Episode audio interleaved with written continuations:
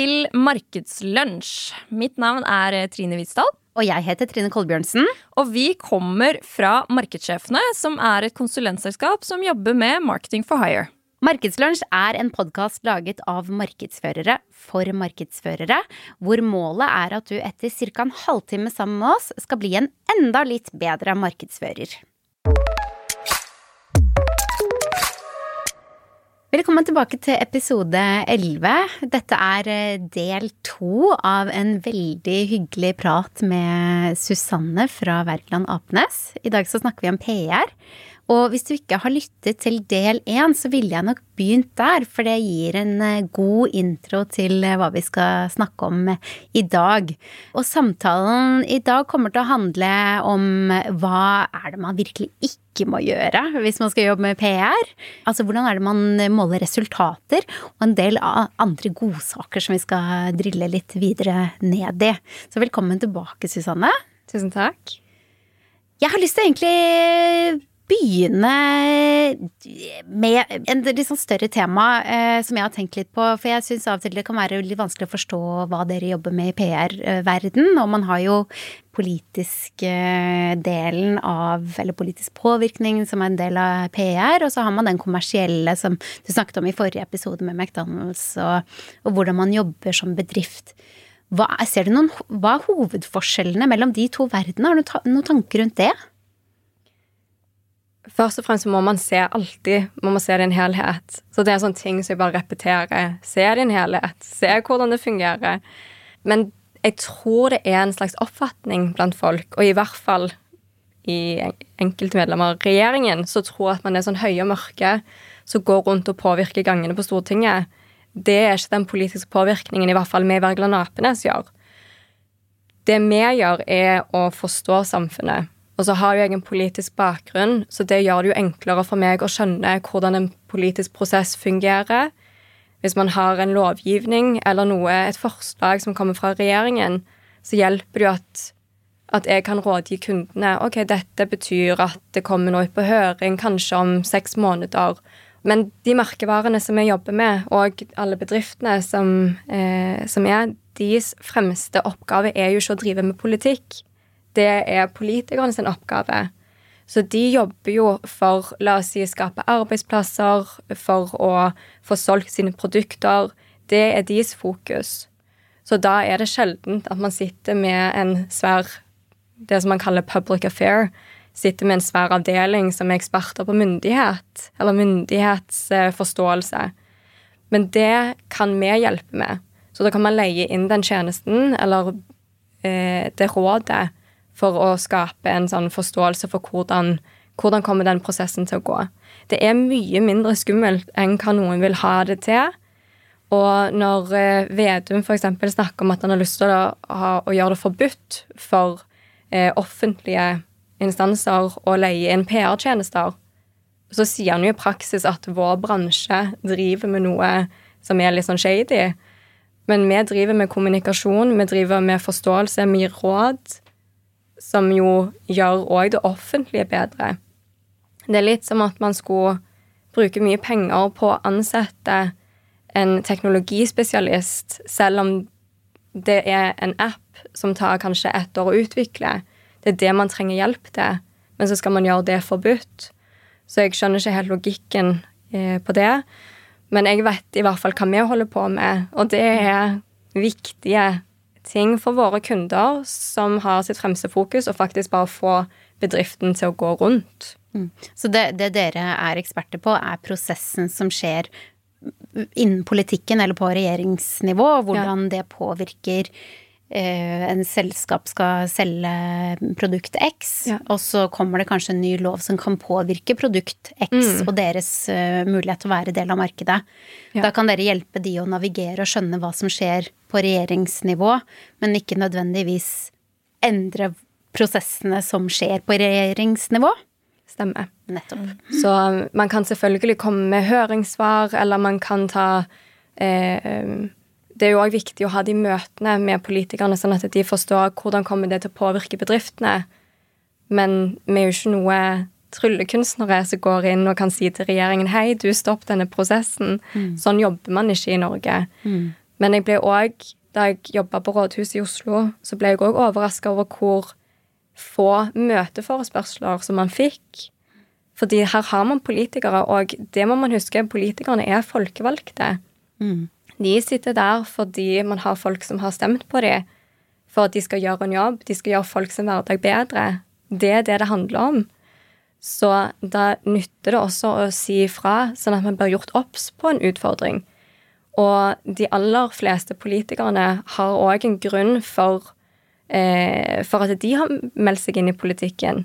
Og det er ikke nødvendigvis at det er det samme som bedriften er opptatt av. Men da er det viktig å gjøre de obs på hvordan det påvirker bedriften. Hvis de gjør en endring, eller at man har mista støtten, f.eks. En liten oppfordring der da, kanskje er jo faktisk booke om du har en, et PR-byrå som hjelper deg, eller bare er en ensom ulv i en markedsavdeling. det, det, er lov å banke på hos politikerne og invitere til en kaffe og en prat om uh, den problemstillingen du er opptatt av. Absolutt. Jeg var ikke klar over at det var en mulighet, jeg. Ja. Så den ja. Eh, noterer jeg meg ja. bak øret. Mm, helt enig. Og at man faktisk kan da også være med å påvirke hvordan klimaet skal være rundt din bedrift videre, da. Mm. Mm. Det er godt råd. Det er jo egentlig litt sånn Drar oss videre til neste poeng, som er hva Det er jo ikke alle bedrifter som har budsjetter til å leie inn PR-byrå, mediebyrå, reklamebyrå, diverse byråer. Det kan jo koste litt. Hva kan man gjøre på egen hånd? Har du noen tips til de litt mindre markedsavdelingene som har viktige budskap de trenger å få ut i, i mediebildet, eller medielandskapet? Ja. Først og fremst å finne ut hva er det det skal være, hva er budskapet. Så begynn med Sett deg ned med ledergruppen din og samle sammen noen ansatte og finne ut hva er det vi skal kommunisere, og hvorfor skal vi kommunisere. Det som vi snakket om også i forrige episode, det må treffe målgruppen. Men det trenger ikke være så komplisert. Og det som jeg tror de aller fleste glemmer, er at det kan òg bare være la oss si to ting. Det er det du skal fokusere på det neste året. Hvis du finner ti ulike eh, utfordringer eller muligheter, så har du ikke muligheten til å satse på alle de hvis du ikke har en kommunikasjonsavdeling. Og det er det jo veldig mange mindre bedrifter som ikke har. Da er det ofte daglig leder, og så har du kanskje en, en ansatt som brenner for et eller annet som kan uttale seg i media. Og da er det de menneskene man har å spille på, men samtidig skal de òg jo få en bedrift til å gå rundt. Da kan det være fint ta to fokusområder, om det er f.eks. LinkedIn, som er jo litt sånn lavterskel og veldig populært i, blant bedrifter. Så da er det jo en måte å kunne legge ut noen innlegg. 'Dette er det vi mener om de forskjellige sakene', eller 'dette er vårt produkt', eller 'dette er det man har lyst til å Kom til oss på en kaffe og snakk om A, B og C. Veldig sånn lavterskel. Og så kan det være eh, Tror jeg det er lett å engasjere seg i det nære og kjære. Så hvis du har en ansatt, eksempel, som er veldig opptatt av Høres veldig kjedelig ut, men gode rammevilkår for bedriften. Ja, ja, men det er viktig. Som jo mange kan da Som er jo kjempeviktig, for det er det som får bedriften til å, å eksistere eller fortsette. Kan satse og investere. Få den ansatte til å skrive et leseranlegg, gitt at den ansatte brenner for det, selvfølgelig. Men bare oppfordre til at man skal ha, drive med kommunikasjon. For jeg tror det er så mange som tenker at det er mye mer komplisert, og så derfor bare dropper man det. Mm. Og man glemmer liksom det som et fagfelt. Man glemmer at det er så ekstremt viktig både for bedriften sitt omdømme for det er jo det alt handler om, å bygge det omdømmet. Men det er viktig for de, men det er òg viktig for de ansatte. At man kan gå på butikken, og så er det noen som kan gå bort og være sånn Hei, du, jeg leste om deg i avisen. Kult at du engasjerer deg i denne saken. Kult at du vil ha økt støtte til fritidsklubber, f.eks. Mm. Det gir en sånn selvtillit blant de ansatte også, at man satser på kommunikasjon, tror mm. jeg. Jeg tror du har helt rett i det, og jeg, jeg opplever Eller jeg vet ikke hva du tenker, Trine, men jeg har vel erfart ute hos kunder at det blir veldig Man blir litt redd for hva de ansatte skal si. Det er litt sånn Man blir litt nervøse rundt det. Men det syns jeg er et godt råd å ha med seg hvis du har noe som oppriktig brenner for noe. Det betyr at de antakeligvis har satt seg ganske godt inn i saken. Og ta en prat med de og få høre tankene, og så kan man jo hjelpe de å, å få det på luften. Så er jo det del av en veldig god eh, PR strategi. Og så har jeg kanskje lyst til å øh, gjenta det du sier, da. Ha en plan og jobb langsiktig og jobb strategisk med det. Så hvis det er noe som er helt utenom det bedriftene holder på, så kanskje vær litt varsom med hva du setter bedriftsnavnet Ja. på. Hvis det er helt ute, så kan det jo Ja, det, det er litt rart. det Det blir forvirrende. Ja, ikke sant. Ja. ja. Man skal være tydelig på det, for det òg er jo en diskusjon som man har sett nå i media også, med den ytringsfriheten blant de ansatte. Og det har man jo, man har jo ytringsfrihet.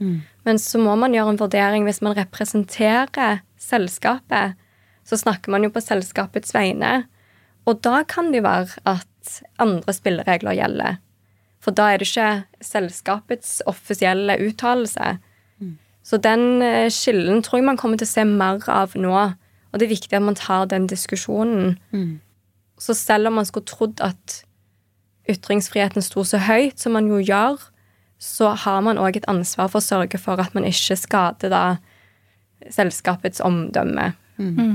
Og det er viktig å ha med seg. Mm. Det tenker jeg er eh, men, men kanskje ikke være så redd for kommunikasjon som man har vært før, Nei. men ha et bevisst forhold til det, og om man ikke har en kommunikasjonsavdeling eller en kjempestor markedsavdeling, så kan man ha noen retningslinjer og fortsatt jobbe godt med kommunikasjon ved å bare gjøre noe. Ja. Men hvis vi er eh, litt eh, inne på det temaet, da. Hva er, det man, eh, hva er det man virkelig ikke må gjøre når man skal jobbe med kommunikasjonsstrategi eller sin egen PR?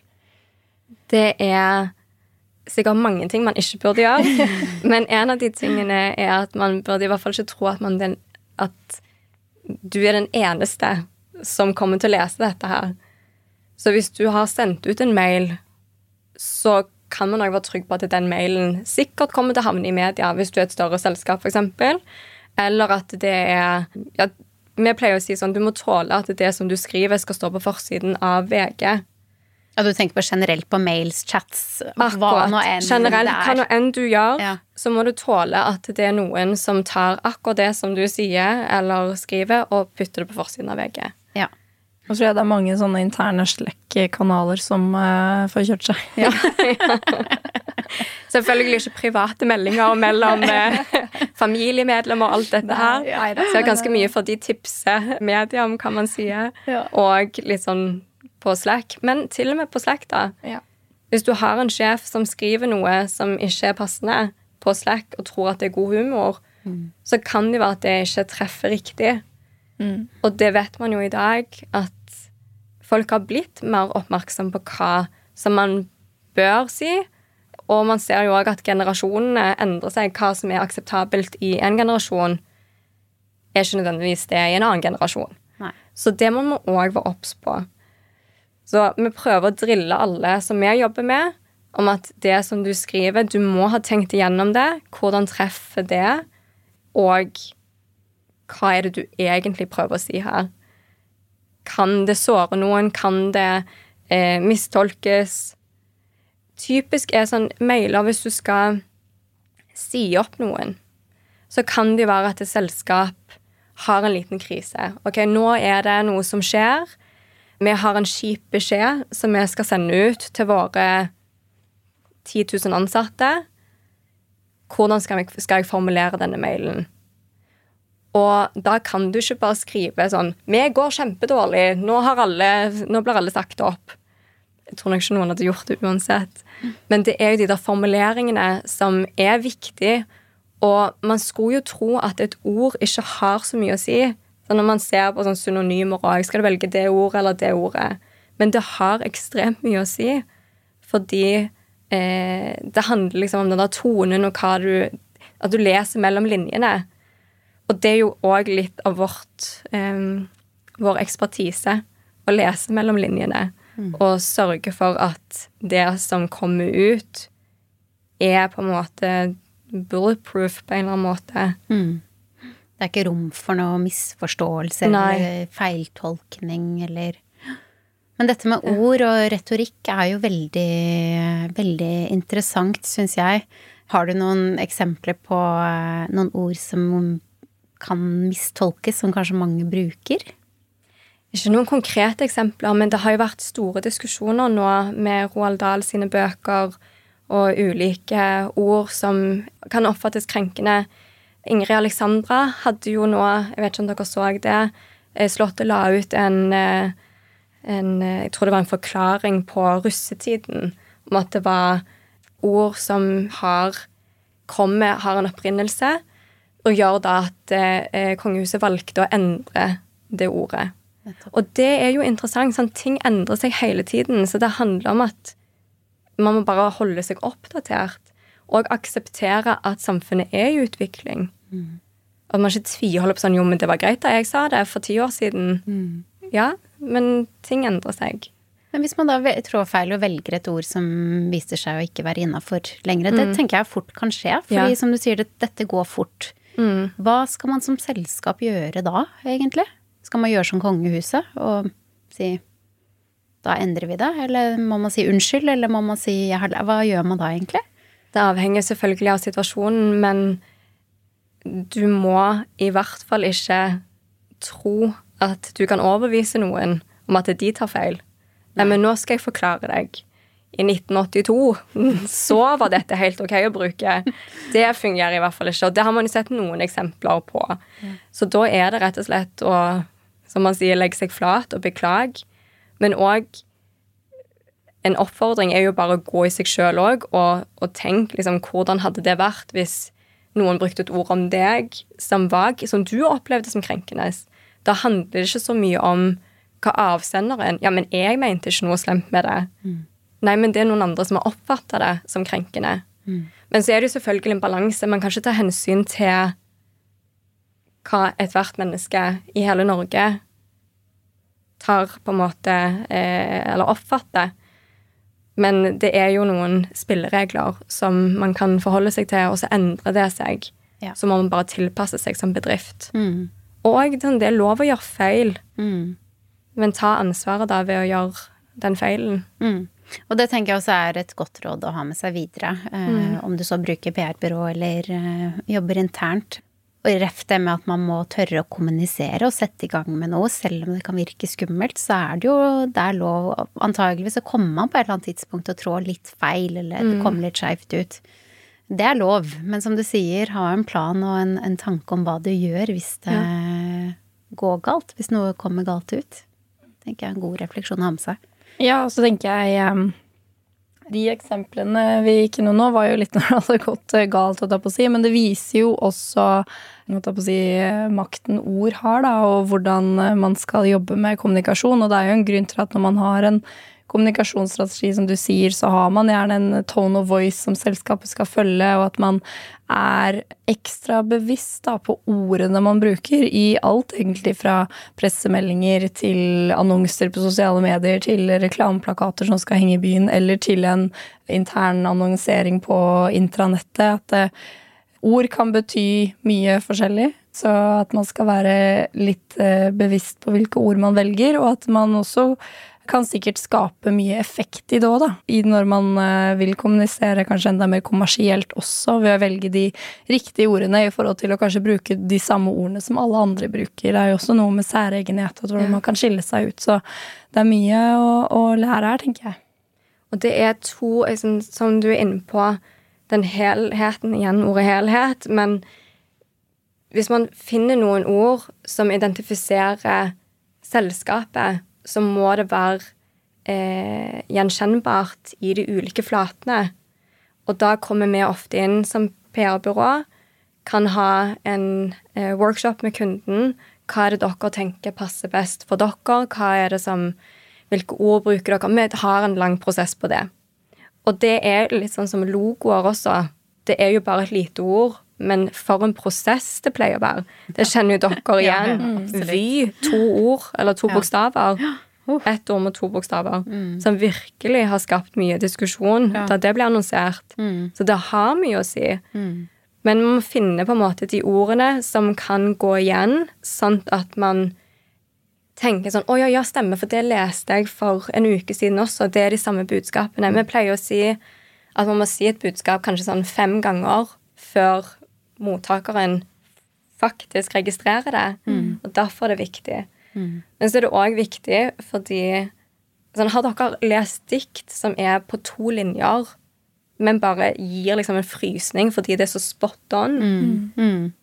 Derfor er det også viktig.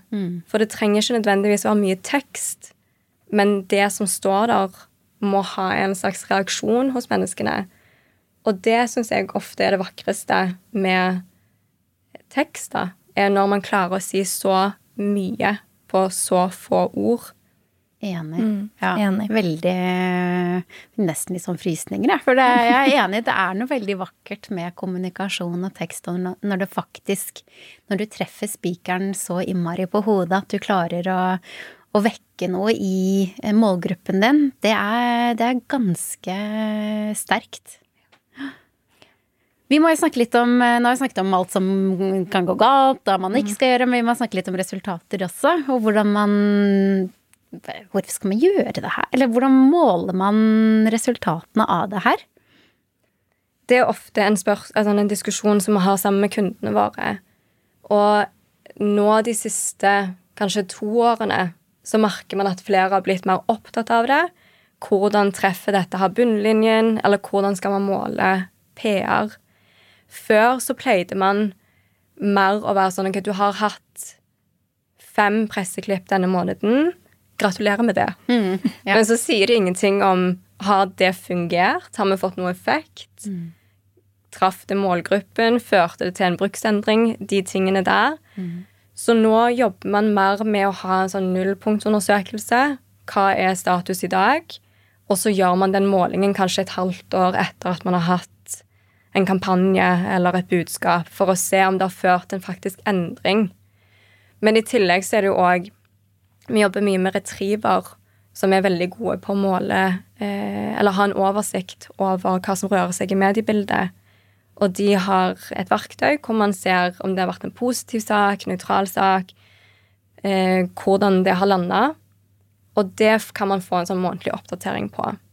Men jeg tror det aller viktigste er om det faktisk har ført til at man har enten fått flere søkere eller eh, større kjøp. Eh, hvordan det faktisk har truffet målgruppen. Det er kanskje der man også begynner, da, med et tydelig mål om hva man skal oppnå med, Ja. med PR-arbeidet. Det er jo noe som heter Barcelona-prinsippene, så jeg er litt sånn nerdete for kommunikasjonsfolk. Ja, for, fortell. Så de prinsippene tidligere var mye på det med telle presseklipp og hvor mange ganger har du sagt det og det ordet. Men nå så er det akkurat det der med effekten. Så det er også kult at man ser Det gjelder i samfunnet. Du må ha et samfunnsansvar, som oftest. Og det må gi noe til mottakeren, og så må det ha en effekt. Du skal ikke kommunisere bare for å kommunisere fordi jeg hadde lyst til å si det budskapet. Det skal bety noe. Det Skal gjøre en forskjell. Det skal gjøre en forskjell. Ja. Rett og slett. Vi har kommet til veis ende for del to av eh, denne samtalen. Jeg har lært masse i dag. Tusen takk for at vi, vi fikk låne ditt eh, veldig kloke og reflekterte hode. Tusen takk. Det var veldig hyggelig å få være med her. Hjertelig velkommen tilbake en annen gang også, det må jeg også få lov å si. Vi har eh, kommet til også, ikke bare til slutten av episoden, men til slutten av denne sesongen. Sesong fire, Trine. Ja. Nå tenker jeg, har jeg så dårlig stemme at nå avslutter vi. Nå er det veldig tydelig at nå trenger vi sommerferie før Ja, vi Du har høres igjen. brukt opp stemmen din for, ja. for sesongen. Men i sommer så frykt ikke. Vi kommer til å eh, slippe noen eh, gamle, men gode episoder i løpet av sommeren. Så hvor tanken er at eh, de episodene vi har planlagt, de kommer til å hjelpe deg litt å sette i gang for høsten. Litt som påfyll før eh, du tar fatt på, eh, på siste halvdel av eh, året.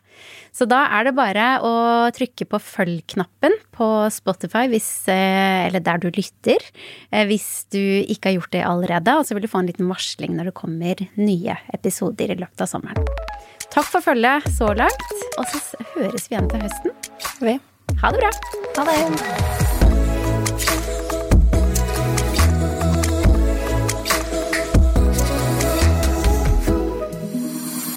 Denne podkasten er produsert av Freemantle Podcast for markedssjefene.